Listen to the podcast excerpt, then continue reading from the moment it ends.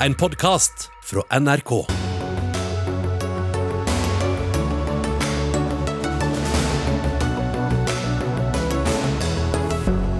La smitten gå sin gang. Nå er tiden inne for å la sunn fornuft styre, ber en overlege.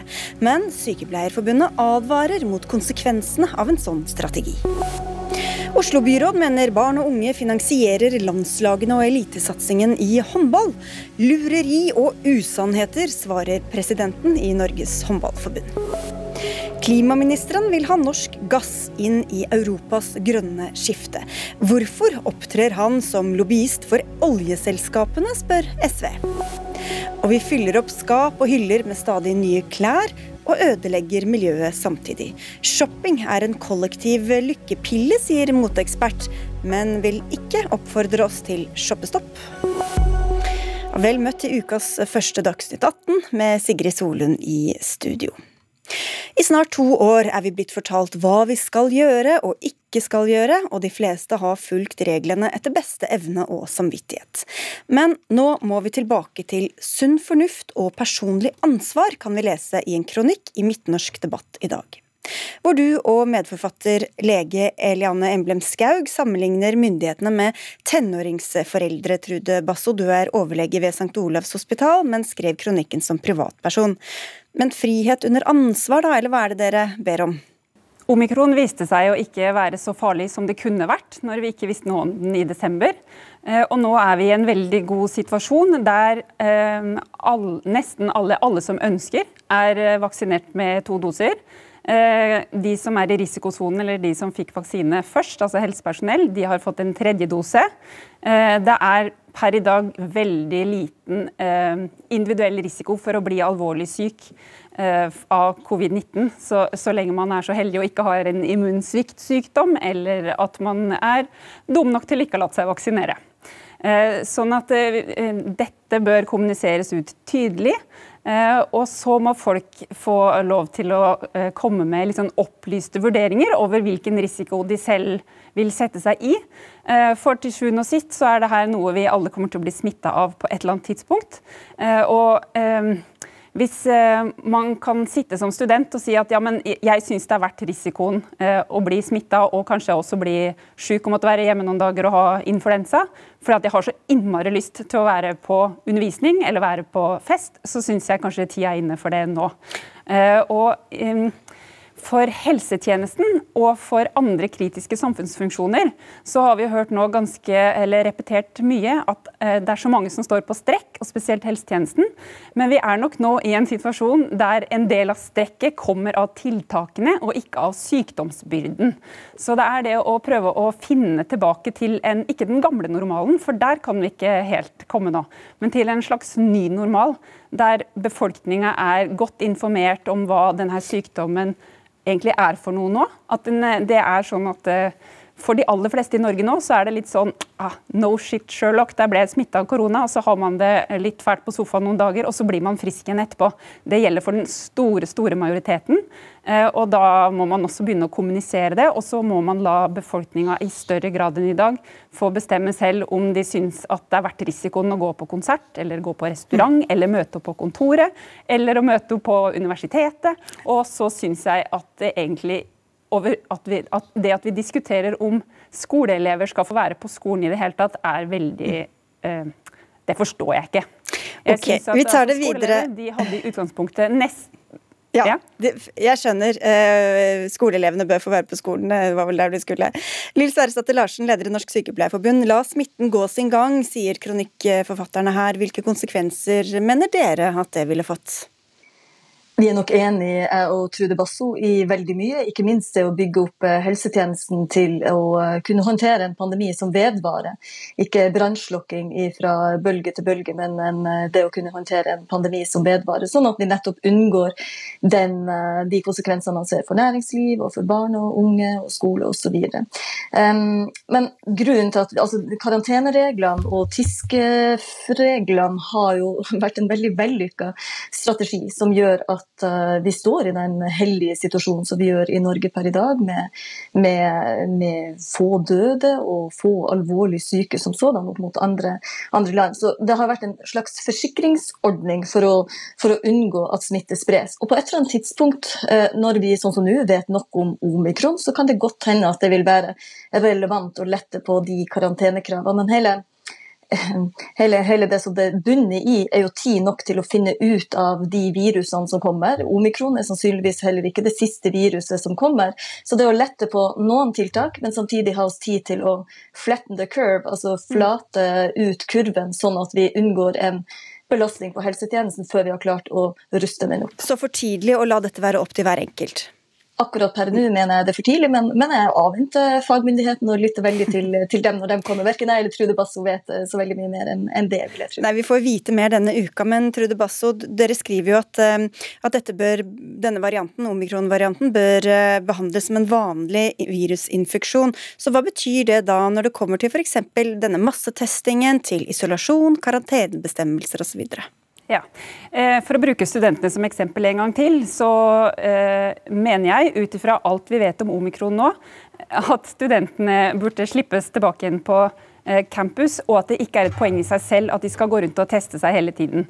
Da er det bedre å se på informasjon og på en måte holdningskampanjer for å la dem på best mulig måte holde seg blant seg selv. Så hvis det er sånn at de har lyst til å leve sånn som ungdommer og unge voksne skal leve under normale, normale forhold, så er det ikke noe poeng i seg selv å drive og teste og teste og teste. Um, um, jeg tror vi må begynne liksom å, snu litt på tankegangen, istedenfor at alle sammen skal inn i, i, i, ganske sånn omfattende tiltak, og at kommunene blir sittende igjen med veldig stort ansvar for å drive og teste egentlig for testingas skyld. Så kan man f.eks. Uh, følge eh, alvorligheten av epidemien ved å teste alle som kommer inn på sykehuset og oppsøker helsetjenesten f.eks. Eh, da vil man også se om det er en stigning, eller om det er Eh, om det er mer stabile forhold. Eh, og Det å se på smittetall nå, det går så innmari galt. fordi det er, det er ikke lenger noe samsvar mellom smittetall og innleggelser. De kurvene har delt hverandre. Og når statsministeren i dag tidlig snakker om at eh, sykehusinnleggelsene i England eller i Storbritannia går eh, bratt opp, så forteller han halve sannheten. fordi den andre halvdelen av sannheten er at kurven for intensivinnleggelser den er jo helt flat. Den er jo som Jæren bortover der. Sånn at, den, sånn at, man må begynne å tenke på det litt annerledes, og så må man tørre å gi litt slipp. Og det kan også hende at det betyr at man ikke trenger å drive og teste for testinga sin skyld. For det er sånn at i en vanlig influensaepidemi f.eks., eller med egentlig nesten alle andre sykdommer, så er det sånn at man gjør undersøkelser når det har en behandlingsmessig konsekvens for pasienten. Og nå tester vi uten at det har noen som helst behandlingsmessig konsekvens for pasienten, men man bruker det for å kontrollere hvem som skal inn og ut av karantener og isolasjon osv. Eh, når det er så strenge regler på når man skal få lov til å være på jobb, så er det i seg selv vanskelig å holde kritiske samfunnsfunksjoner i gang fordi du får så stort sykefravær. For det er ingen, ingen eh, områder i Norge som har nok bemanning til å takle et 20 eh, sykefravær over tid. Fordi egentlig friske, arbeidsføre folk er hjemme. Ikke sant? Men nå vet vi, vi så mye om omikron at vi kanskje også ikke ja. Vi trenger ikke å være i isolasjon og karantene på den måten, hvis jeg hører deg rett. da. Eh, hvis jeg skal bare høre med Larsen om det, for har, og Når du nevner statsministeren, så kan jeg også si at vi har vært i kontakt med bl.a. Helse- og omsorgsdepartementet og Helsedirektoratet, som ikke ønsket å være med i noen debatt om dette nå. Men Larsen, mye av eh, argumentasjonen går jo også på dette med det generelle sykefraværet, at man blir borte når man er i karantene osv. Hvis, man, hvis man slutter med også det, så faller vel noe av, av argumentene for strenge smitteverntiltak bort? Ja, Det er jo allerede store mørketall, eh, vil jeg tro. Altså det som eh, da blir hurtigtesta, er ikke nødvendigvis registrert noen plass hvis ikke folk blir eh, sykere av, av den grunn eller trenger, treng hjelp. Så, så villsmitte har vi uansett. Det som er for helsetjenesten sin kapasitet så vil det egentlig ikke ha så stor betydning med karantene eller ikke karantene opp mot sykefravær på, i helsetjenesten, og dermed kapasitet ut fra det. Fordi at den såkalte fritidskarantenen det har eh, helsepersonell hatt mer eller mindre frivillig fra pandemien kom, og også som selvfølgelig et myndighetsstyrt tiltak fra, fra desember. Som, men, men en del av Flatten the Curve handler jo nettopp om å unngå at også helsepersonell blir syk eh, omtrent samtidig hvis man på en måte slipper løs eh, alt. Nå tror jeg ikke det er det Trude Basso heller mener, men, men, derfor har det vært et viktig tiltak fra desember av å prøve å avflate kurven, sånn at du også unngår For helsepersonell er jo, de har fått tre, de har fått boosterose og tre vaksiner og er stort sett unge og friske og raske i en eller annen sammenheng og blir neppe veldig alvorlig syk, men det vil være en enorm risiko for beredskap og kapasitet i helsetjenestene hvis du får mange nok av helsepersonell som blir syk samtidig. Og dette sitter de altså og vurderer akkurat nå, både politiske og fagmyndigheter. Helt kort til slutt, Trude Basso, er du sikker på at vi fortsatt evner å tenke selv da, etter to år med regler og restriksjoner? Det er jeg helt overbevist om. At eh, folk, de aller fleste er i stand til å ta gode valg. Og så har vi noen sånne vaksinenektere som det tydeligvis er umulig å nå fram til. Men de aller fleste er i stand til å være med å ta valg på vegne av sine egne liv. Jeg tror egentlig at det her kan gå ganske bra hvis alle går inn i en ny normal med en god porsjon sunn fornuft. Vi får se. Det er bare dager om å gjøre før vi får vite hva den hvert fall kortsiktige, midlertidige nye normalen blir. Takk skal dere ha, Trude Basso og Lill Sverresdatter Larsen.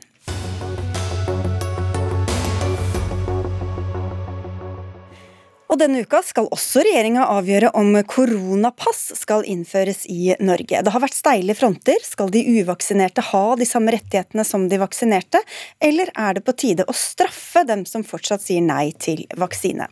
Skjalg Fjellheim, politisk redaktør i Nordlys, du ble stilt dette spørsmålet i ukeslutt eh, lørdagen som var, og svaret fra deg var ja. Hvorfor skal vi straffe de uvaksinerte gjennom da bl.a. korona- eller vaksinepass? Det høres jo veldig dramatisk ut å si at man vil straffe de uvaksinerte. Det er jo ikke noen som eh, skal tvinge en sprøyte i armen på folk som ikke vil ta en vaksine. Eh, vaksine vil jo, mener jeg fortsatt helt klart må være frivillig. Det jeg har sagt er at eh, i den situasjonen vi, vi, står i med massive nedstengninger av samfunnet, så, så tror jeg at, at vaksinepass som begrenser bevegelsesfriheten for den lille gruppen som nekter å vaksinere seg og begrenser eh, friheten for svært mange andre. At det kan være et virkemiddel som det på et tidspunkt vil være fornuftig å vurdere. Og Dette er en debatt som går i veldig mange land, og dette svaret fra Fjellheim det refererer du til i Dagbladet i en kommentar du har skrevet, Martine Aurdal. Du er jo kommentator der. Redaktøren er et talerør for en tendens i samfunnet, skriver du. Hvilken tendens er det? Det er en tendens, eh, helt klart på det i Norge og mange andre steder, at de av oss som jo eh, utgjør det store flertallet og har tatt vaksinen med glede, eh, begynner å bli møkk lei av restriksjoner og tar ut noe av den frustrasjonen på de uvaksinerte. Og jeg er enig med Skjalg Fjellheim i at det kan finnes gode grunner til å forsvare bruken av et koronapass, men da er det veldig viktig å ha tunga beint i munnen og ikke komme med den type argumentasjon som det han gjorde på ukeslutt. For det å si ja, de bør straffes, eh, og også argumentere slik eh, Fjellheim gjorde med hvor mye de uvaksinerte koster helsevesenet når de blir innlagt og sånn, det er en type retorikk som lett kan overføres til eh, andre områder i samfunnet, og en type diskriminering og forskjellsbehandling av befolkningen som vi skal være svært forsiktige med å, å bi oss inn på. Fjellheim. Ja, jeg tror vel ikke helt om man skal gjøre dette til et filosofisk eller idehistorisk seminar. For meg er dette egentlig ganske enkelt. Eh, samfunnet som helhet må betale både økonomisk og ikke-økonomisk for at et lite mindretall ikke vil la seg vaksinere. Eh, det snakker vi om lavere inntekter, folk som mister jobben sin, permitteringer og begrensninger i sosial omgang. Og Det kan jo ikke være slik at eh, du skal ha friheten til å ta dine egne valg, men du skal ha friheten til å la være å ta konsekvensen av dine egne valg. Vi ser jo at dette er på, på vei. altså Vaksinepass er på vei i, i, allerede innført i USA. Nå er det ikke alt Eh, som kommer fra USA vi trenger å være like begeistra for. Men i dette tilfellet så mener jeg faktisk at man, man, eh, man, kan lære noe av USA. Vi ser også at dette er på vei inn i flere europeiske land. Jo, men Det er fortsatt omdiskutert, Erdal. Men du, eller Fjellheim, men Erdal, du sier at eh, en del av argumentene for et koronapass er også argumenter for en politistat?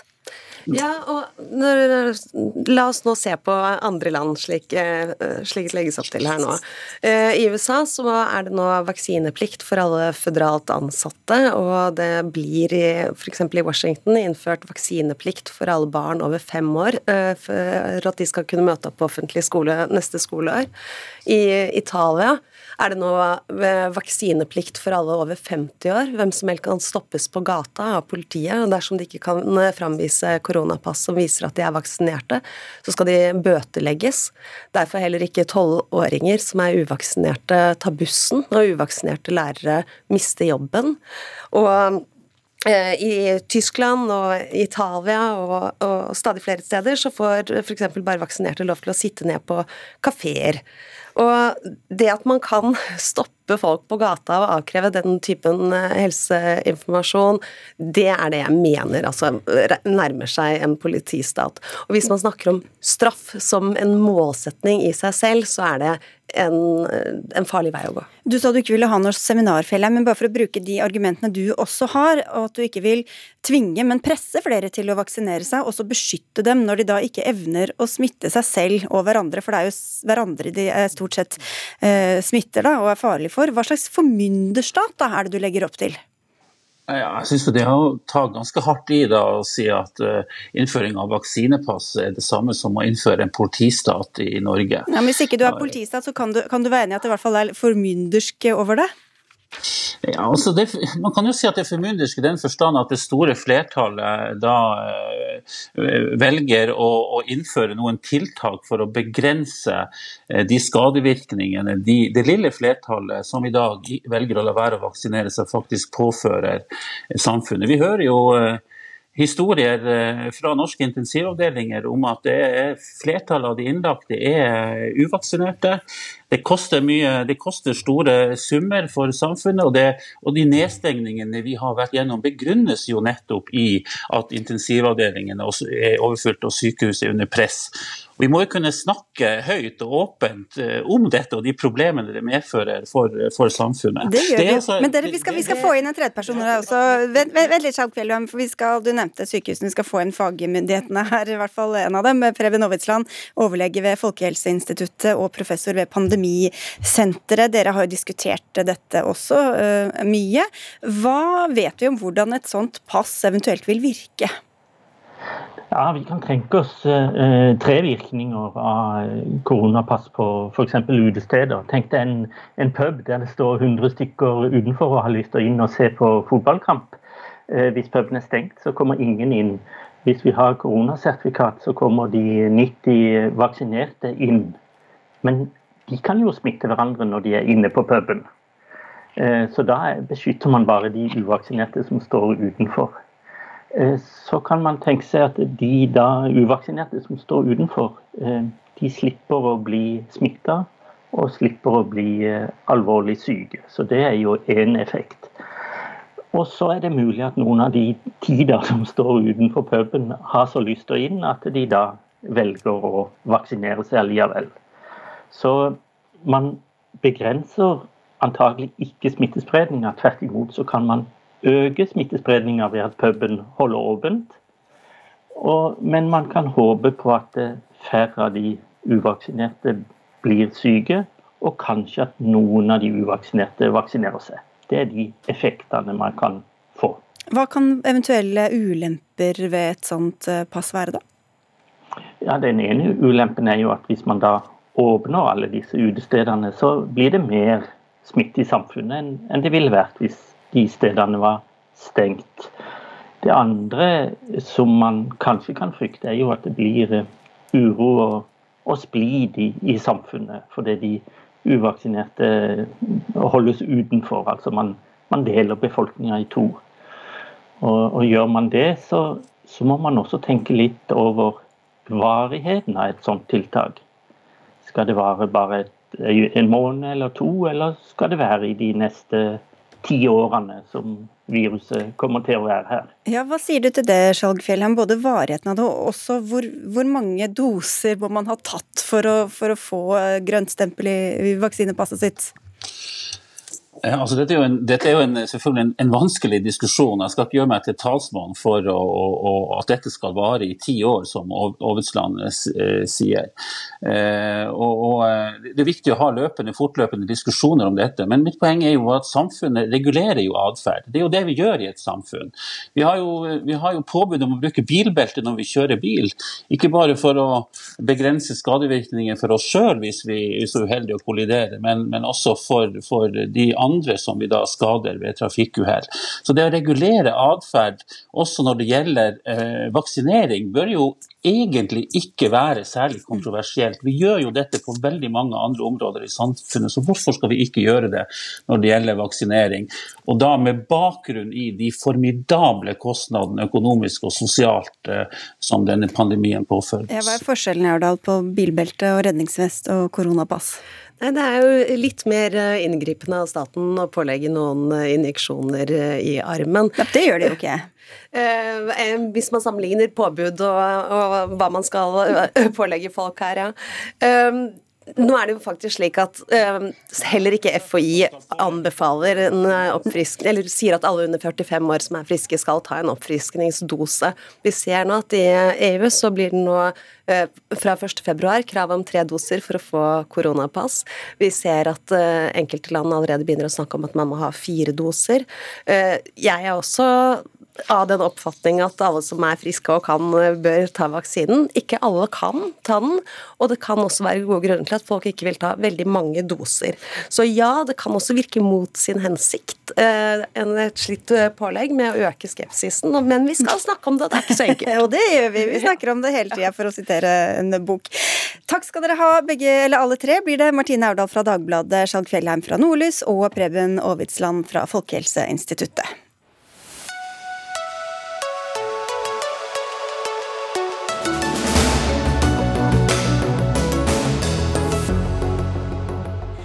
De norske håndballguttene jakter nå EM-medaljer med stor selvtillit etter at de norske håndballjentene vant VM-gull i fjor. Men det ulmer på grasrota. For det er bl.a. ungdom som betaler for suksessen, sier du idrettsbyråd i Oslo, Omar Sami Gamal, og hevder altså at ungdom finansierer landslagene og elitesatsingen. På hvilken måte? Mm. La meg først si at det er et problem med høye, høye priser sånn generelt i, i idretten. Uh, og vi jobber mye med å få ned uh, prisene. Og så har grasrota i idretten i Oslo tatt kontakt uh, og sier at lisensene er et problem for deltakelse. En direkte barriere. lisensene, hva er det for noe? Lisensene er det du betaler direkte til forbundet for å dekke forsikring og for å dekke altså Eh, inntekter for, for forbundet. Uh, og det er en regning du får årlig direkte fra, fra forbundet. Um, og da uh, så, Altså, når vi da samtidig ser at Håndballforbundet går med overskudd i timillionersklassen, så er det et alvorlig problem. spesielt når vi ser at det er utfordringer med inkludering i, i, idretten. For å ta det økonomiske her, da, Kåre Geir Lio, du er president i Norges håndballforbund. Dere sier at dette er regelrett feilinformasjon, og at ansvarlig byråd her bevisst sprer udokumentert informasjon. Men hva er det som ikke stemmer i det vi hørte her? La meg først si at Jeg er helt sikker på, på vegne av alle 55 særforbund i norsk idrett, at de gjør alt de kan for at idretten skal være så tilgjengelig og så billig som råd for alle unger det er det ene. Når det gjelder um, den håndballisensen som uh, Gamal er opptatt av, så er det slik at den har en pris på mellom 845 og 1285 for de ungene fra 13 år og opp som skal delta. Det er ei forsikringsordning, og så er det en utviklingskostnad eh, for at håndballen skal kunne levere den kvaliteten som vi har lyst til å levere. Og det vil si Men Er det hele summen? Alt det er hele summen, det er hele summen. Og det som er viktig her, det er at dette er et vedtak på håndballtinget gjort av folkevalgte i norsk håndball til beste for norsk håndball. Det er faktisk en ordning vi er veldig fornøyd med og veldig stolt av. Ok, Det høres jo ikke så dyrt ut, uh, Gamal, med rundt tusenlapp i året? Ja, hvis du har tre barn, øh, koster det deg 3000, og så er det jo nok ikke den eh, regninga de får. Det som Geir Kåre her refererer til, er den billigste løsninga. Skal vi ikke gå inn i dybden av, av detaljene her, men den regninga som sendes ut, er, er, nok dyrere. Så kan du velge sjøl ved å ta kontakt med Håndballforbundet om å få en lavere pris. Poenget er at eh, for eh, de som ikke har råd, så er det eh, en dyr pris å, å, betale. Og samtidig som man går med eh, Altså, I 2019 så går man, nei, 2020 så går man med 19 millioner i overskudd. Eh, er, jeg syns det er veldig stor grunn til å spørre hvor er det de millionene går til? Fordi grasrota i idretten opplever jo ikke at de drar nytte av de pengene. Ja, det er ny feilinformasjon. De pengene som er får av lisensen, de blir brukt på utdanning, utvikling, integrering, inkludering, likestillingsarbeid, og ikke minst eh, bruker vi dem til å kunne hjelpe de som trenger det mest. Det er faktisk, hvis vi skal si det, veldig god SV-politikk å ha en eh, avgiftsbelastning på mange, for så å kunne dele det ut igjen til beste for fellesskapet og til beste for de som trenger det mest. Så det syns jeg du skal være enig med. For hvis pengene kommer inn, men så går de ut igjen, så er det vel greit, eller? Nei, men de går jo ikke ut igjen. De går jo 19 millioner i overskudd. Eh, altså, Det er jo den samme kassa Håndballforbundet har. Eh, om de pengene kommer fra, fra lisensen eller kommer fra sponsorinntekter, er jo det, det samme når man ser på sluttsummen, som er 19 millioner, rett i overskudd. Vi har hørt eksempler om et forbund som finansierer PR-kampanjer, som drar på dyre reiser. Eh, og det er et det er symptonym problem i idretten generelt, men jeg opplever at det er et, eh, ekstremt i, i uh, håndballforbundet. Ja. Eh, ja. Hva går de pengene til, egentlig? Jeg må, jeg må jo si det. Nå er du informert om dette flere ganger, Gamal. Det er slik at Landslaget bruker ikke ei krone av disse pengene.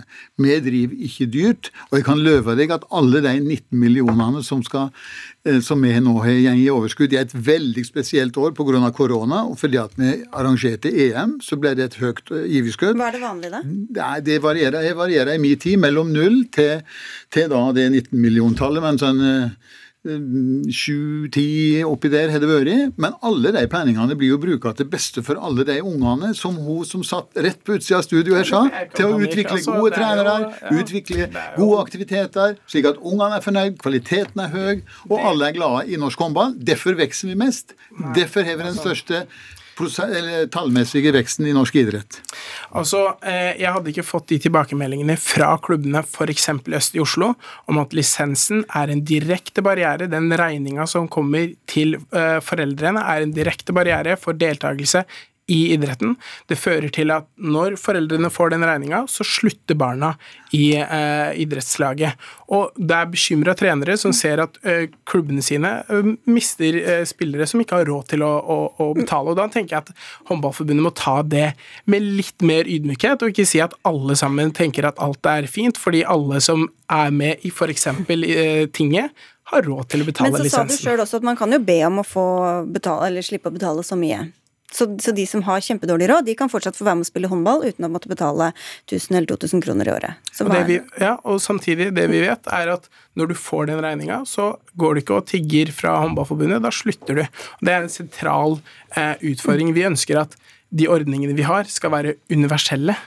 Eh, og Derfor bruker vi 40 eh, millioner på direkte inkluderingstiltak på idretten i Oslo fra byrådet. Ok, til slutt her da, Leo, I stedet for å bruke alle pengene på utvikling, hvorfor ikke halvere summen folk må betale, f.eks., så blir lavere for alle? Den, den prisen den blir vedtatt av håndballtinget til enhver tid, for det eneste gang de er oppe. Men jeg må jo si det at vi driver jo akkurat som, sånn som samfunnet for øvrig driver. Vi prøver å lage så gode ordninger for så mange som råd. Og må du huske på at hvis en trener ser en unge som ikke kanskje har råd til å delta, så kan han bare skrive navnet på en lapp, sende det til Håndballforbundet, så betaler vi.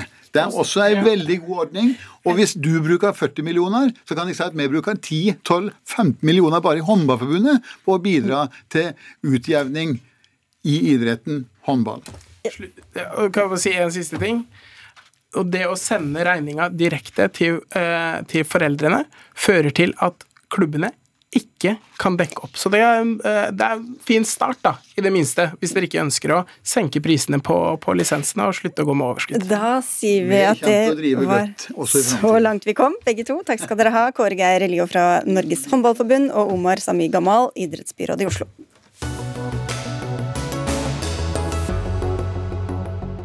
Tonnevis av klær på avveie, en tekstilbransje som er en versting for både natur og klima. Er det vår skyld som aldri får nok klær? Det diskuterer vi om litt, men først til en helt annen del av dette store problemkomplekset. Kan fossil energi bli regna som grønn? Flere medier skriver at EU-kommisjonen vil foreslå at gass, i tillegg til atomkraft, kan regnes som en grønn energikilde. Vurderingen skal tas i forbindelse med det som heter EUs taksonomi, som er en klassifisering av hva som regnes som bærekraftig. Og I den forbindelse har Norge kjempet for at nettopp gass, som vi tilfeldigvis selger mye av, skal regnes som grønt, skriver Aftenposten i dag, som også hentet inn kritiske kommentarer fra deg, Lars Haltbrekken. Du sitter i Stortingets energi- og miljøkomité for SV. Så hvis gassen både er klimavennlig og veldig lønnsom for oss, hvorfor skal du stikke kjepper i hjulene? Nei, Da hadde jo bare vært å pumpe opp mer fossil energi, og så hadde vi løst klimakrisen med å tilføre atmosfæren med, med mer av det som har skapt mer CO2 fra fossil energi, men det er selvfølgelig ikke sånn. Uh, gass er en fossil energikilde med altfor høye utslipp av eh, CO2. Verden skal være så å si utslippsfri om 30 eh, år. Og da er ikke gass en løsning. Og det å jobbe for at gass skal karakteriseres som en miljøvennlig energikilde, det føyer seg dessverre inn i eh, en svært lite stolt tradisjon fra mm. norske regjeringer opp igjennom. Men eh, det er vel første gangen at vi ser at en klimaminister ivrer for å gjøre fossil energi til grønn. Det er grønnvasking. Og alle vet det vel, men jeg kan jo bare nevne det, at uh, gass slipper ut mindre enn kull og olje, men like fullt er en fossil energikilde, som du sa. Klima- og miljøminister Espen Barth Eide, hva var det du egentlig sa i Brussel? Nå var ikke jeg i Brussel for å snakke gassens sak. Jeg snakket uh, i denne sammenhengen mye om blå hydrogen, som altså er ren hydrogen uh, konvertert fra gass via karbonfangst og -lagring, som er et godt supplement til såkalt grønn hydrogen, uh, som altså er utslippsfrie molekyler, som er et viktig supplement til elektrifisering. Og først og fremst det jeg snakket med EU-kommisjonen om, i tillegg til en rekke andre spørsmål knyttet til den grønne omstillingen som går litt utenom dagens tema, altså dette med Klar for 55. For jeg er jo enig at eh, gass er selvfølgelig en fossil kilde, og eh, naturgass uten karbonfangst har utslipp. Eh, fordelen er at det er mindre utslipp enn kull, men det er selvfølgelig mye mer utslipp enn rent fornybare kilder. Og Derfor så tror jeg det er viktig å tenke, ha to tanker i hodet samtidig. Den ene er at til slutt så må verdens energisystemer bli helt utslippsfrie. Da er det ikke plass til verken kull eller olje eller eh, gass som ikke har karbonfangst. Men på veien dit så må man være i stand til å si at noen former for energi er bedre enn andre. F.eks. så vil eh, naturgass produsert i Norge være relativt sett bedre enn kull som man bruker mye av i Europa, på veien til et nullutslippssamfunn. Så jeg tror det er ganske viktig at man har en idé om en slags reise fra høyutslipp til lavutslipp, og at i det har gassen en transisjonsrolle. Det er det EU-kommisjonen også snakker om. Du skal få ta det, Saltbrekken, men bare først til alternativet. Hva skal de gjøre, da, alle de som bruker f.eks. norsk gass til å varme opp husene sine? Jo, men uh, problemet uh, og Vi kommer til å levere gass til Europa i, i en del år framover. Men det som Barth Eide og regjeringa det, det som Barth Eide og regjeringa nå har gjort, er jo å definere den som grønn for å sikre økt salg av gass framover. Man ønsker å åpne nye olje- og gassfelt i Barentshavet for å sende gass uh, nedover til kontinentet. Men hvis vi ser på hva EU uh, sjøl planlegger, så planlegger de store utslippskutt. Og de sier da sjøl at da er vi nødt til å redusere importen av gass uh, for å få til dette. Arbeiderpartiet har jo i 30 år snakka om gass som en bro inn i fornybarsamfunnet. Det er jo verdens lengste bru vi snakker om. Man snakker om at man skal legge ut på en reise. Det er jo verdens lengste reise, hvor da gass og økte utslipp kommer til å dominere fortsatt, i stedet for at man nå tar steget over til nullutslippsløsninger. Ja, hvorfor ikke bare hoppe, hoppe rett over men, elva til men, sol og vind, altså, Eide? Det hadde jo vært helt fantastisk. Jeg hadde vært uh, minst like glad som Haltbrekken hvis vi kunne gå over til et helt fornybart kraftsystem i morgen. Det hadde vært strålende hvis det var nok uh, sol og vind og sånn til det. Det er det jo ikke, fordi 80% av energibruken i verden er fortsatt fossil. og Derfor er det et poeng å snakke om den overgangen, den energiomleggingen. Og Hvis vi nå ser på den nye tyske regjeringen, som altså er, har De Grønne med, og Sosialdemokratene og Frihetspartiet, de, de har også sagt at for å kutte ned kull raskere, de, de, pleide si eh, 2038, nå skal det ned til 2030. Så må de øke bruken av gass i den overgangsperioden for å få ut kullet. For du har ikke nok balansekraft eh, eh til alle vindmøllene eh, hvis ikke du også har med gass. Og så sier de en ting til som er kjempeinteressant for oss den, de nye gasskraftverkene de har tenkt å bygge, altså med de grønne i Tyskland om bord, må bygge slik at de kan bruke hydrogen i framtida. Derfor må vi også forholde oss til den energiomleggingen vårt eneste marked for gass, altså Europa, faktisk går gjennom. Både ved å tilby gass mens den fortsatt brukes, den kommer til å gå ned, men den brukes enn så lenge. Og så sørge for å være med i med å få til hydrogen, både såkalt grønn fra elektrolyse og blå fra naturgass. Men problemet med argumentasjonen din, Espen Barth det er jo at du låser uh, Europas energisystem til bruk av uh, fortsatt gass. Din regjering ønsker å bygge ut olje- og gassfelt i Barentshavet, ønsker å transportere, bygge opp svære infrastrukturprosjekter fra Barentshavet og eh, nedover. Dette må betales ned. Det forutsetter da at man pumper gass i mange år nedover, og vi låser oss til bruk av fossil energi. Og det er forferdelig dumt når verden skal jo, ned til Alle sier vel at liksom, også energibyrået og andre regner jo gass inn i en del av energimiksene ganske mange år framover. Jo, men det som energibyrået også sier, er jo at vi ikke kan leite etter mer olje og gass. Og det er jo det denne regjeringa legger opp til. De legger opp til å leite etter mer olje og gass, og så drar de til Brussel for å grønnvaske Nei. gassen og for å sikre fortsatt gassalg i mange mange år framover. Men få høre, det er det, at, at, Norge tjener, men at Norge tjener masse penger på å eksportere gass. Hvordan påvirker det iveren etter å få den klassifisert som bærekraftig? Det er klart at Norge, Akkurat nå tjener jo Norge enorm, altså milliarder av kroner per dag ekstra pga. at gassprisene er høye, men vi er jo veldig enig i at uh, verden er nødt til, det er, helt, det er helt eksistensielt viktig, at vi kommer over i et fornybart energisystem.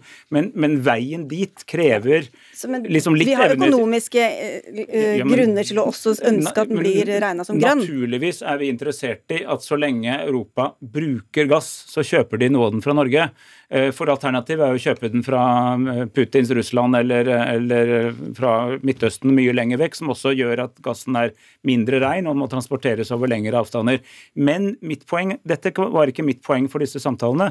Det var å få en bedre forståelse av hvordan EU ser for seg den energitransisjonen eller energiomleggingen de skal gjennom, eh, og plass, hvilken plass det da er for norsk gass. Først som gass, og så etter hvert som hydrogen i dette. For dette angår oss, og det er en viktig del av også klimadialogen mellom oss og Europa. Ti sekunder på tampen. Og dette har vi hørt i 30 år fra Arbeiderpartiet. Jeg har ikke hørt så mye om hydrogen, da. Helt, helt, nei, helt siden uh, de slåss for å få bygd forurensende gasskraftverk, en kamp de heldigvis mislyktes totalt med, så har de sagt at gass er broen til framtiden.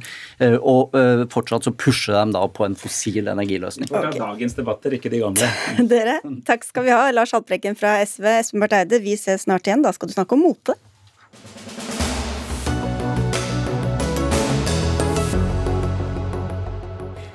Den ruller videre, den eh, lange historien om storfylket Viken, landets mest folkerike. Men hvor det ender virker litt mer usikkert, etter at styret i Akershus Arbeiderpartiet før helgen enstemmig gikk inn for en innstilling mot å splitte opp fylket.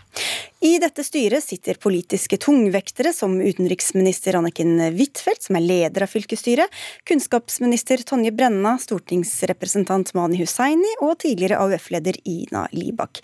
Ingen av dem eh, ønsket å stille til debatt her i kveld, men takk for at du er her, nestleder i styret i Akershus Arbeiderparti, Øystein Slette.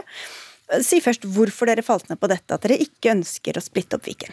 Det var en grundig vurdering av eh, det som kom fram i denne rapporten, som ble lagt fram til eh, fylkestinget eller til fylket i, før jul, hvor man så på konsekvensen av hva det ville si å bryte opp Viken. Eh, det var kostnadene ved å gjøre det, men det var også utfordringene i økonomien til Buskerud og Østfold i årene som kommer, og hvordan de vil øke. Og Da så vi det at innbyggerne i Viken ville være best tjent med å fortsette å ha Viken. Og Hva får det dere har eh, sagt nå å si for prosessen videre? Nå er dette det første skrittet på en lang prosess. Eh, I morgen skal det være representantskapsmøte i Akershus Arbeiderparti, som så fortsetter videre i Østfold og Buskerud. Og så vil det være et representantskapsmøte i Viken Arbeiderparti etter det i starten av februar. Torleik Svelle, leder av Senterungdommen, du var ikke glad for dette. Dette skaper dype riper i tillitslakken innad i regjeringen, sa du. Litt som da Trygve Slagsvold Vedum gikk ut i helgen og ba om å åpne kranen igjen, da, eller? Nei, altså, jeg tror kanskje ikke det bare var jeg, men veldig mange flere også, som både ble sint og skuffa eh, over det vedtaket som ble gjort i Akershus Arbeiderparti. Nå er det sånn at Jonas har lovt å løse opp Viken. Arbeiderpartiets egen stortingspresident har lovt å løse opp Viken. Eh, og man gikk til valg på å løse opp Viken, og det er også noe Senterpartiet og Arbeiderpartiet er enige om i Hurdalsplattformen. Og så kjører nå Akershus Arbeiderparti med statsråder i spissen nå en egen prosess, hvor de har kommet til en annen konklusjon, som jeg er veldig bekymra for at både kommer til å fortsette Høyre sitt sentraliseringsprosjekt, siden det er jo det Viken er. Men det skaper også store tillitsriper i regjeringa når man motarbeider det som er regjeringa sin politikk. Men man kan jo også se på det som at dere ikke ønsker at lokalmiljøene skal komme og ødelegge det dere har bestemt sentralt? Nå er det jo sånn at Vi hadde et valg i Viken i 2019. Det valget førte til at man ble enige om at Viken skulle oppløses. Det er den plattformen Viken nå styres på. Det samme kan du si om stortingsvalget som vi hadde, som også viser at folk ønsker å oppløse Viken. Og vi har en regjering som ønsker å oppløse Viken, som nå blir forsøkt torpedert av statsråder fra Arbeiderpartiet. og Det syns jeg er trist. Så håper jeg selvfølgelig at de snur. Er det andre deler av Hurdalsplattformen dere vil ta opp til ny vurdering og stemme mot? Nå står det i Hurdalsplattformen at dette skal gjøres på et grunnlag av et vedtak i fylkestinget i Viken. og Det vedtaket er en prosess som starter med partilagene som sitter der. Eh, Arbeiderpartiet, erken i Akershus eller nasjonalt, har gått til valg på å oppløse Viken. Vi har gått til valg på at det skal være en mulighet dersom man ønsker det, og det skal bygge på frivillighet. Den frivilligheten hadde vi ikke når Viken ble vedtatt. Det ble tredd ned over hodet på fylkene som var. Og nå ønsker partiene i dette fylket å, å gjøre sine egne valg, og, og, det tror jeg regjeringen også vil forstå at sånn må det være. Gjør de ikke egentlig akkurat det de ble bedt om å gjøre da, Svelle? Nei, nå har vi jo hatt en grundig prosess allerede. Vi har både hatt valg i 2019 Eh, og Jonas Gahr Støre gikk jo også ut til et leserinnlegg i valgkampen og sa at Viken skal oppløses. Samme gjorde stortingspresidenten. Og det, for vanlige velgere, vanlige folk både i Akershus, Østfold og Buskerud, så er det det de har fått med seg. De har stemt på partiet som har lovt å løse opp Viken. Og så har vi blitt enige i regjering og styrer nå på en plattform som skal løse opp Viken, og så gjør Arbeiderpartiet en merkelig helomvending. Jo, men dere la vel opp til at det var Viken selv som skulle bestemme om de ville oppløses eller ikke. Og så er dette en del av den prosessen. Ja, jeg tar jo også også for gitt at når det står i samarbeidsplattformen, som Viken styres på mellom Senterpartiet og Arbeiderpartiet, som jo var på en måte en slags støpeskje av det rød-grønne prosjektet som skjedde i Viken, som jo har blitt enige om at Viken skal oppløses. Det er Fylkesrådet i Viken har også sagt at Viken skal oppløses. Så denne prosessen har vi hatt. Dette har vi vært enige om, og nå har det skjedd en helomvending. Og Hvordan skal folk skjønne hvilken del av Arbeiderpartiet de egentlig skal eh, lytte til her, eh, Slette? Nei, Først så må man jo se på disse tallene og den informasjonen som har kommet fram, og si det at man skulle ta en beslutning før man kjente detaljene og konsekvensene av å oppløse Viken, det, det, blir veldig feil for meg. I tillegg så var dette her et punkt som var veldig vanskelig når forhandlingene ble gjort om Viken. og Det er derfor det er så vagt at det sier at det skal legges frem en sak eh, med en innstilling om å oppløse. Det står faktisk ikke at man skal oppløse Viken i samarbeidsavtalen mellom Viken-partiene eller partiene. Altså Det står jo at man skal ha en prosess for å gjenopprette Akershus, Østfold og Buskerud. Og Hvis du spør meg, så vil det bety at Viken skal oppløses. Så må vi huske på at det her er et sentraliseringsprosjekt som er kjørt gjennom av Høyre, som fjerner tjenester og muligheter fra folk. Som jeg syns er trist at Arbeiderpartiet nå prøver å videreføre. Dere, du sa Høyre vil få med et lite smett med deg, Mudassar Kapur. Du er stortingsrepresentant fra nettopp Høyre. Hvor glad er du i Akershus Arbeiderparti etter denne innstillingen? Jeg syns de har eh, kommet frem til en eh, klok innstilling. Jeg tror hovedforskjellen når jeg hører denne debatten mellom Arbeiderpartiet og Senterpartiet, er at Arbeiderpartiet i det minste har lest utredningen. For Den slår jo krystallklart fast at eh, dette vil gå utover tjenestene til innbyggerne. Det vil gå utover kompetansemiljøene, og ikke minst vil det sette utviklingen på pause.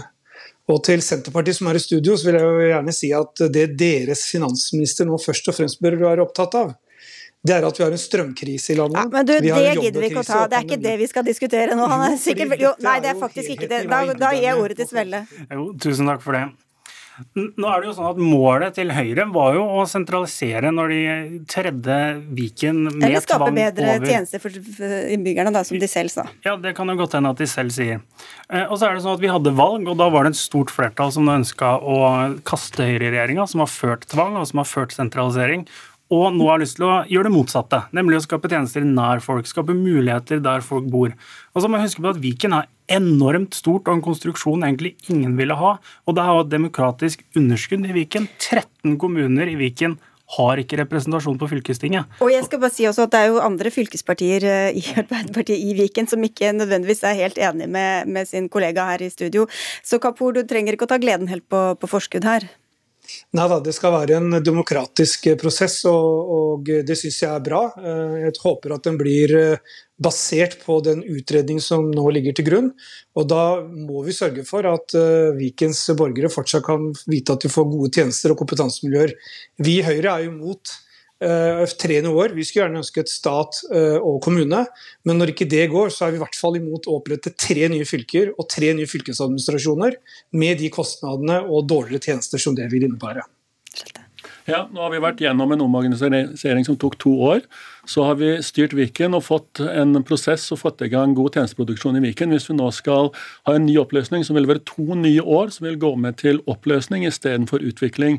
Det er en av de viktigste grunnene, i tillegg til de økonomiske, til at man eh... Argumenterer du ikke nå mot din egen sak, eller? Nei, for hvis man da går til oppløsning, så vil man jo gå gjennom disse to årene med oppløsning. Men hvis man holder sånn, ja. Viken, så vil man jo tenke fremover istedenfor å kun fokusere på hvordan man skal bygge de nye fylkene. Ja, jeg skulle ønske at eh, Arbeiderpartiet i Akershus, som, som, har statsråder, lytta mer på sin egen regjering enn de nå lytter på Høyre. Fordi Senterpartiet ja, det, det, det, er jo ikke sikkert at de lytter til Høyre. Det kan hende at de lytter til sin egen samvittighet eller til sine egne velgere. Jo, men bare la meg fullføre. Fordi Regjeringa har jo sagt at de skal for det første ta kostnaden ved å løse opp Viken, fordi man tror på tjenester nær folk. Altså det, det, betyr Men, bare at alle menneskene i hele Norge må ta den, i stedet for at uh, innbyggerne i Viken må ta den? Det er jo Høyre som nå har kåla til dette her og tredd ned denne konstruksjonen. Det eneste vi gjør, er å rydde opp. Uh, og så er det jo sånn at den regjeringa som nå sitter, har sagt at de vil se på fylkesfinansieringa på nytt. Nettopp fordi at vi tror at Akershus, Østfold og Buskerud er gode, selvstendige fylker, og de må se på inntektsfordelinga på nytt. Og Det har regjeringa sagt, og jeg stoler på at de holder det de lover. Og Hvorfor skape så mye bråk også internt i, i regjeringsapparatet og mellom regjeringspartiene, Slette? Nå sier faktisk regjeringsplattformen at det skal bygge på en, et vedtak i fylkestinget, og det er det vi gjør. Jeg håper ikke min motdebattant fra Senterpartiet mener det at regjeringen skal diktere hva vi skal stemme i fylkestinget. For meg så blir det helt riv rusken feil, og strider egentlig mot det Senterpartiet sier om at tjenester og vedtak skal gjøres nær folk. Det kan jo bli spennende å følge med på alle fylkeslagene og lokallagene i Senterpartiet fremover, og se om de harmonerer med alt som står i Hurdalsplattformen, Svelle? Jo, altså Det vil alltid være litt uenigheter, og det mener jeg er bra. Og så er det en prinsipiell forskjell på det og at medlemmer av regjeringen, da Anniken Huitfeldt og Tonje Brenna, som har stått i bresjen for dette vedtaket, som jo er ministre i regjeringa, som jeg mener at bør og skal stille seg bak regjeringsplattformen, så at vi drar i samme retning, ikke mot Høyre. Det stilte i hvert fall ikke opp i Dagsnytt 18 i dag, men vi sier tusen takk til dere tre som eh, gjorde det. Torleik Svelle, leder i Senterungdommen, Øystein Slette, nestleder i Akershus Arbeiderparti, og Mudassar Kapur, eh, stortingsrepresentant for Høyre.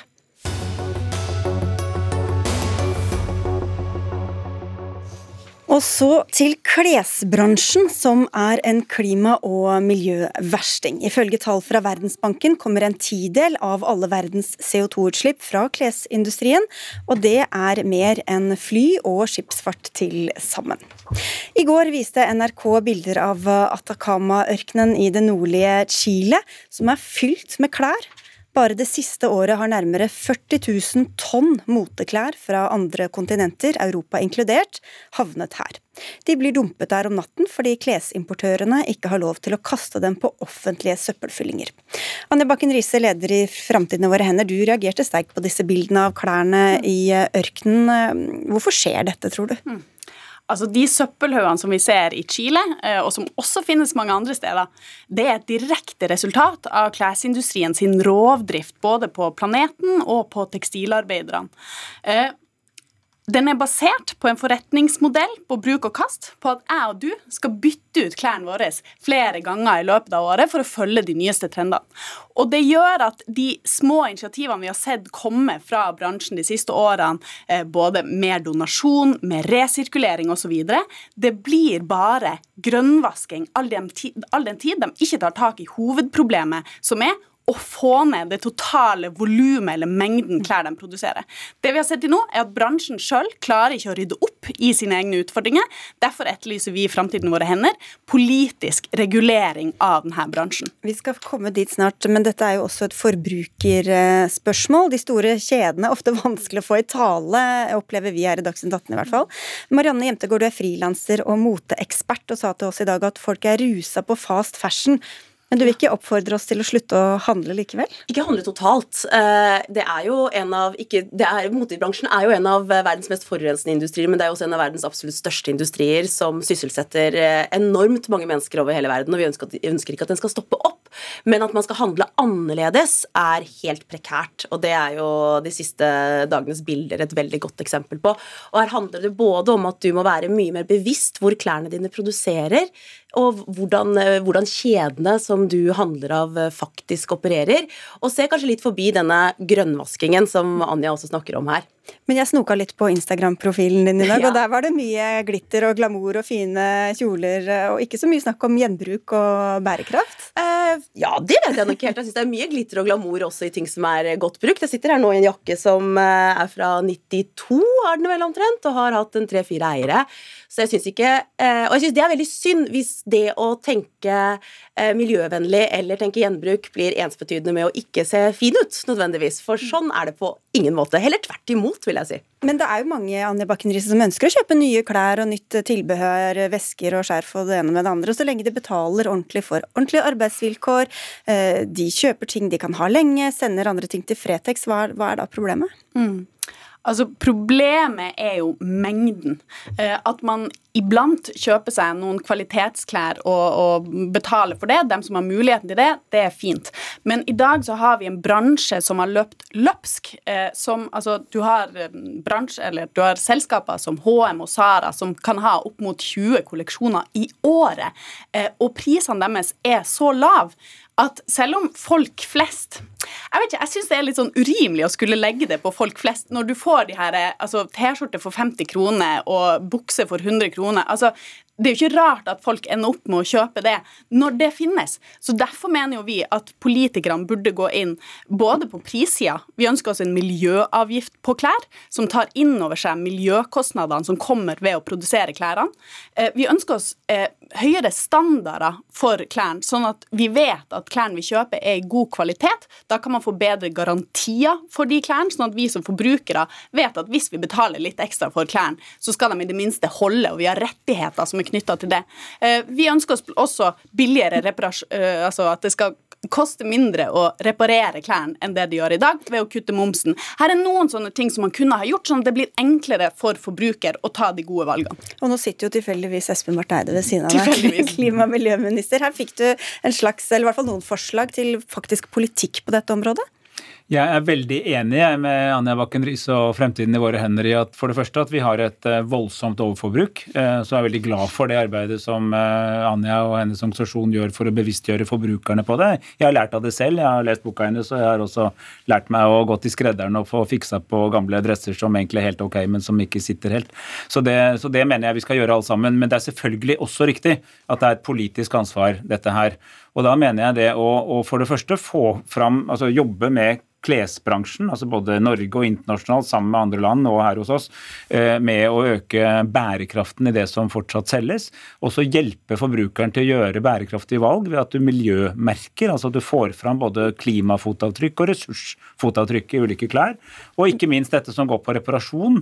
Altså Det med moms er, er, er sympatisk til, det er litt krevende å få til det, men derimot å gi en slags eh, reparasjonsplikt da. Altså klær som går i stykker altfor tidlig, må du kunne ha rett til å få reparert, f.eks. Men er dette høyttenking, eller er det politikk Nei, dere faktisk kommer med? Nei, Mye av dette har vi jo nå i Hurdalsplattformen, og vi jobber jo nå med en forsterket sirkulærøkonomistrategi som nettopp skal gå på det å få til mer gjenbruk. fordi både i forhold til klimakrisen og naturkrisen så er en viktig del av svaret ikke bare at vi lager mer bærekraftige ting, men at vi bruker det vi har laget over lengre tid. Og noe som inspirerer meg veldig, er jo det som nå skjer hos mange unge mennesker. At man rett og slett har gjort det til mote å bruke vintage. Altså det å, det å komme i en uh, brukt kjole er minst like stille som en helt ny en fra henne som Maurits. Det er jo et eksempel på en forbrukeratferd. Og da tenker jeg uh, at vi politikere må bidra til at uh, det sprer seg til flere. Risse? Nei, Jeg sitter jo her og nikker til alt som Espen Barth Eide sier, men jeg håper jo at det her faktisk fører til konkrete politiske tiltak som vil eh, igangsettes nå, snart, så snart som overhodet mulig. Og én ting som man kunne tatt tak i, som man ikke trenger å vente så altfor mye på, det er jo de momsreglene som man har i dag, som gjør at, at, at faktisk at klesselskaper som sitter på et overskuddslager av klær, de ender med å, å, å kaste det eller å brenne det istedenfor å donere det bort, fordi at da må de betale det ja, momsregelverket i dag. Så her er enkle ting som man kunne tatt tak i med et fingerknips, nærmest. Og det høres jo fryktelig dumt ut, så det må vi jo på en måte finne en løsning på. Jeg har egentlig tenkt, godt tenke meg å invitere både motebransjen og Anja Bakken Riise til et møte for å snakke gjennom dette. her. Jeg håper dere har Så- bedre hell enn oss med å få dem i tale. så- Eh, Ja, vi, vi får se når myndighetene spør om ikke det kommer. Ellers så vil vi jo si at det ikke kom. Men, ja, det hjelper ikke alltid like eh, effektivt, kan jeg røpe. Men Jemtegård, du sa det sjøl, det er veldig mange ansatte, en enorm maskin. Er det, er det vilje der til å endre seg, tror du, eller er det bare å peise på så lenge det går? I fast fashion-bransjen så er det vel money talks mer enn noe annet, og der er det konsumermakt kombinert med regulering fra statlig hold som, eh, som eh, gjelder. Det, vi, det, det trekkes jo ofte fram at den yngre generasjon er eh, bedre eh, i klassen når det kommer til miljø, miljøhensyn, men samtidig så er jo fast fashion-aktørene også ekstremt dyktige til å virkelig målrettet gå mot akkurat den generasjonen. Noe vi ser nå spesielt fra Kina i form av eh, Shein eller Shine, som eh, er ja, under halvparten av prisen av det HM og et Sara nytt er. konsept som kommer med klær Som du nei, du seiler inn via. TikTok inn på mobilen til alle tenåringer og gjør det latterlig enkelt å virkelig kjøpe uhorvelige mengder med plagg hvert eneste år, uten regulering fra statlig hold også. Og nå snakker vi om generasjoner, men det er også et slags kjønnsaspekt her. Det er i hvert fall en del kvinner som bruker det shopping nærmest som en eh, hobby. eh, Man bruker det som trøst, man bruker det, det er jo en form for eh, dopamintilstrømning som kommer når du går og shopper. Dessverre så viser det seg jo at denne rushet forsvinner like raskt som det kommer, og da må du ha mer. Vi skal ikke friskrive mennene her, fordi det er bare et litt annet type forbruk. Så menn kjøper f.eks. gjerne mer fritidsklær og den type utstyr også. Sånn at, så, og så høyt forbruk finner vi. så er det stadig større utjevning mellom kjønnene her også når det gjelder konsum innenfor mote. Men det jeg er opptatt av, er at vi må få på plass denne politikken. Eh, og, og der vet vi at det kommer mye interessant eh, fra EU. Eh, jeg er litt bekymra for den, eh, den tonen som vi fikk fra forrige regjering, var ofte at, at eh, vi bare skulle litt sånn vente og se, og så, og så kommer det ting fra EU, og så skal vi føye oss etter det. Eh, men jeg håper jo at regjeringa vil gå foran. Og det vi ser, er jo at EU ofte tar til seg. sånn at hvis altså tar til seg politikk fra eh, landene eh, Nå er ikke vi en del av EU, men, men vi har noe å si der. Eh, så så om, om det er snakk om produsentansvarsordning, om det er snakk om eh, bedre eh, standard, bedre kvalitet på tekstilene, eh, om det er snakk om eh, miljøavgift mm. osv., så, videre, så, så, så tenker jeg at vi har noe å komme med her. For, for Eide, det hjelper jo ikke bare, det vet vi jo. Altså, påbud, avgifter, sånne ting hjelper jo litt mer enn bare å si nå må alle tenke litt mer på Absolutt. Og, og det er riktig som eh, Bakken Riise sier, at det kommer da en, det som heter en tekstilstrategi fra EU allerede i mars. Så selv om jeg er enig i at man ikke skal si alltid at man skal vente på EU, så kan vi jo for så vidt eh, Det er jo ikke så lenge til mars. Men, men poenget er jo ikke at vi trenger å vente til den blir vedtatt. Det er jo mulig det vi syns er fornuftig, kan vi jo ta inn over oss med en gang. Og der vi er uenige, kan vi si fra om det. fordi dette er nettopp den type saker hvor Norge kan ganske stor innflytelse. Eh, Norge og andre nordiske land som av og til, altså Sverige har gjort en god del med disse tingene, vi jobber godt med dem. Kan jo også spille inn på hvordan man kan eh, utvikle en europeisk strategi for dette. Og så ser vi ofte at det som utvikles i Europa, blir ofte på sikt mer en global standard også. Så det mener jeg er en viktig del av jobben. Det er ikke å vente, men å bidra i det europeiske samarbeidet. Og hvis man bare beholder kjolen lenge nok, så blir den jo vintage til slutt. Helt riktig, og det er mange ting du kan gjøre selv òg. Selvfølgelig lær deg å reparere plaggene dine, ta godt vare på de, og ikke kjøp ting som du virkelig elsker. Bare, bare det du virkelig elsker. bare det du Bare virkelig det du virkelig elsker. Ikke noe annet. Og som ikke er sydd av små barnehender i Bangladesh. Det bør være en eh, helt grei forutsetning for det meste. Det er vanskelig for forbruker å sette seg inn i. Eh, Så, så det er derfor, nettopp derfor at vi trenger politisk regulering, og ikke la det være opp til forbruker å skulle ta ta det riktige valget. Der kan jo merking være en del av svaret, da, f.eks. Altså har fotavtrykk. Da ser vi da i mars i første omgang, og så litt etter hvert hva regjeringa kommer med sjøl. Takk skal dere ha, alle sammen. Anja Bakken Riise fra Framtiden i våre hender, klima- og miljøminister Espen Barth Eide og moteekspert Marianne Jemtegård. Dagsnytt 18 er ved veis ende. Vi er tilbake i morgen igjen klokka 18. Det var Anne Katrine Førli som hadde ansvaret for innholdet i sendinga. Eli Kjørkjebø hadde det tekniske ansvaret. Jeg heter Sigrid Solund og takker for følget.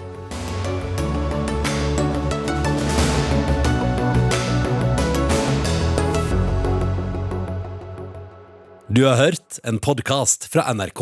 Hør flere podkaster og din favorittkanal i appen NRK Radio.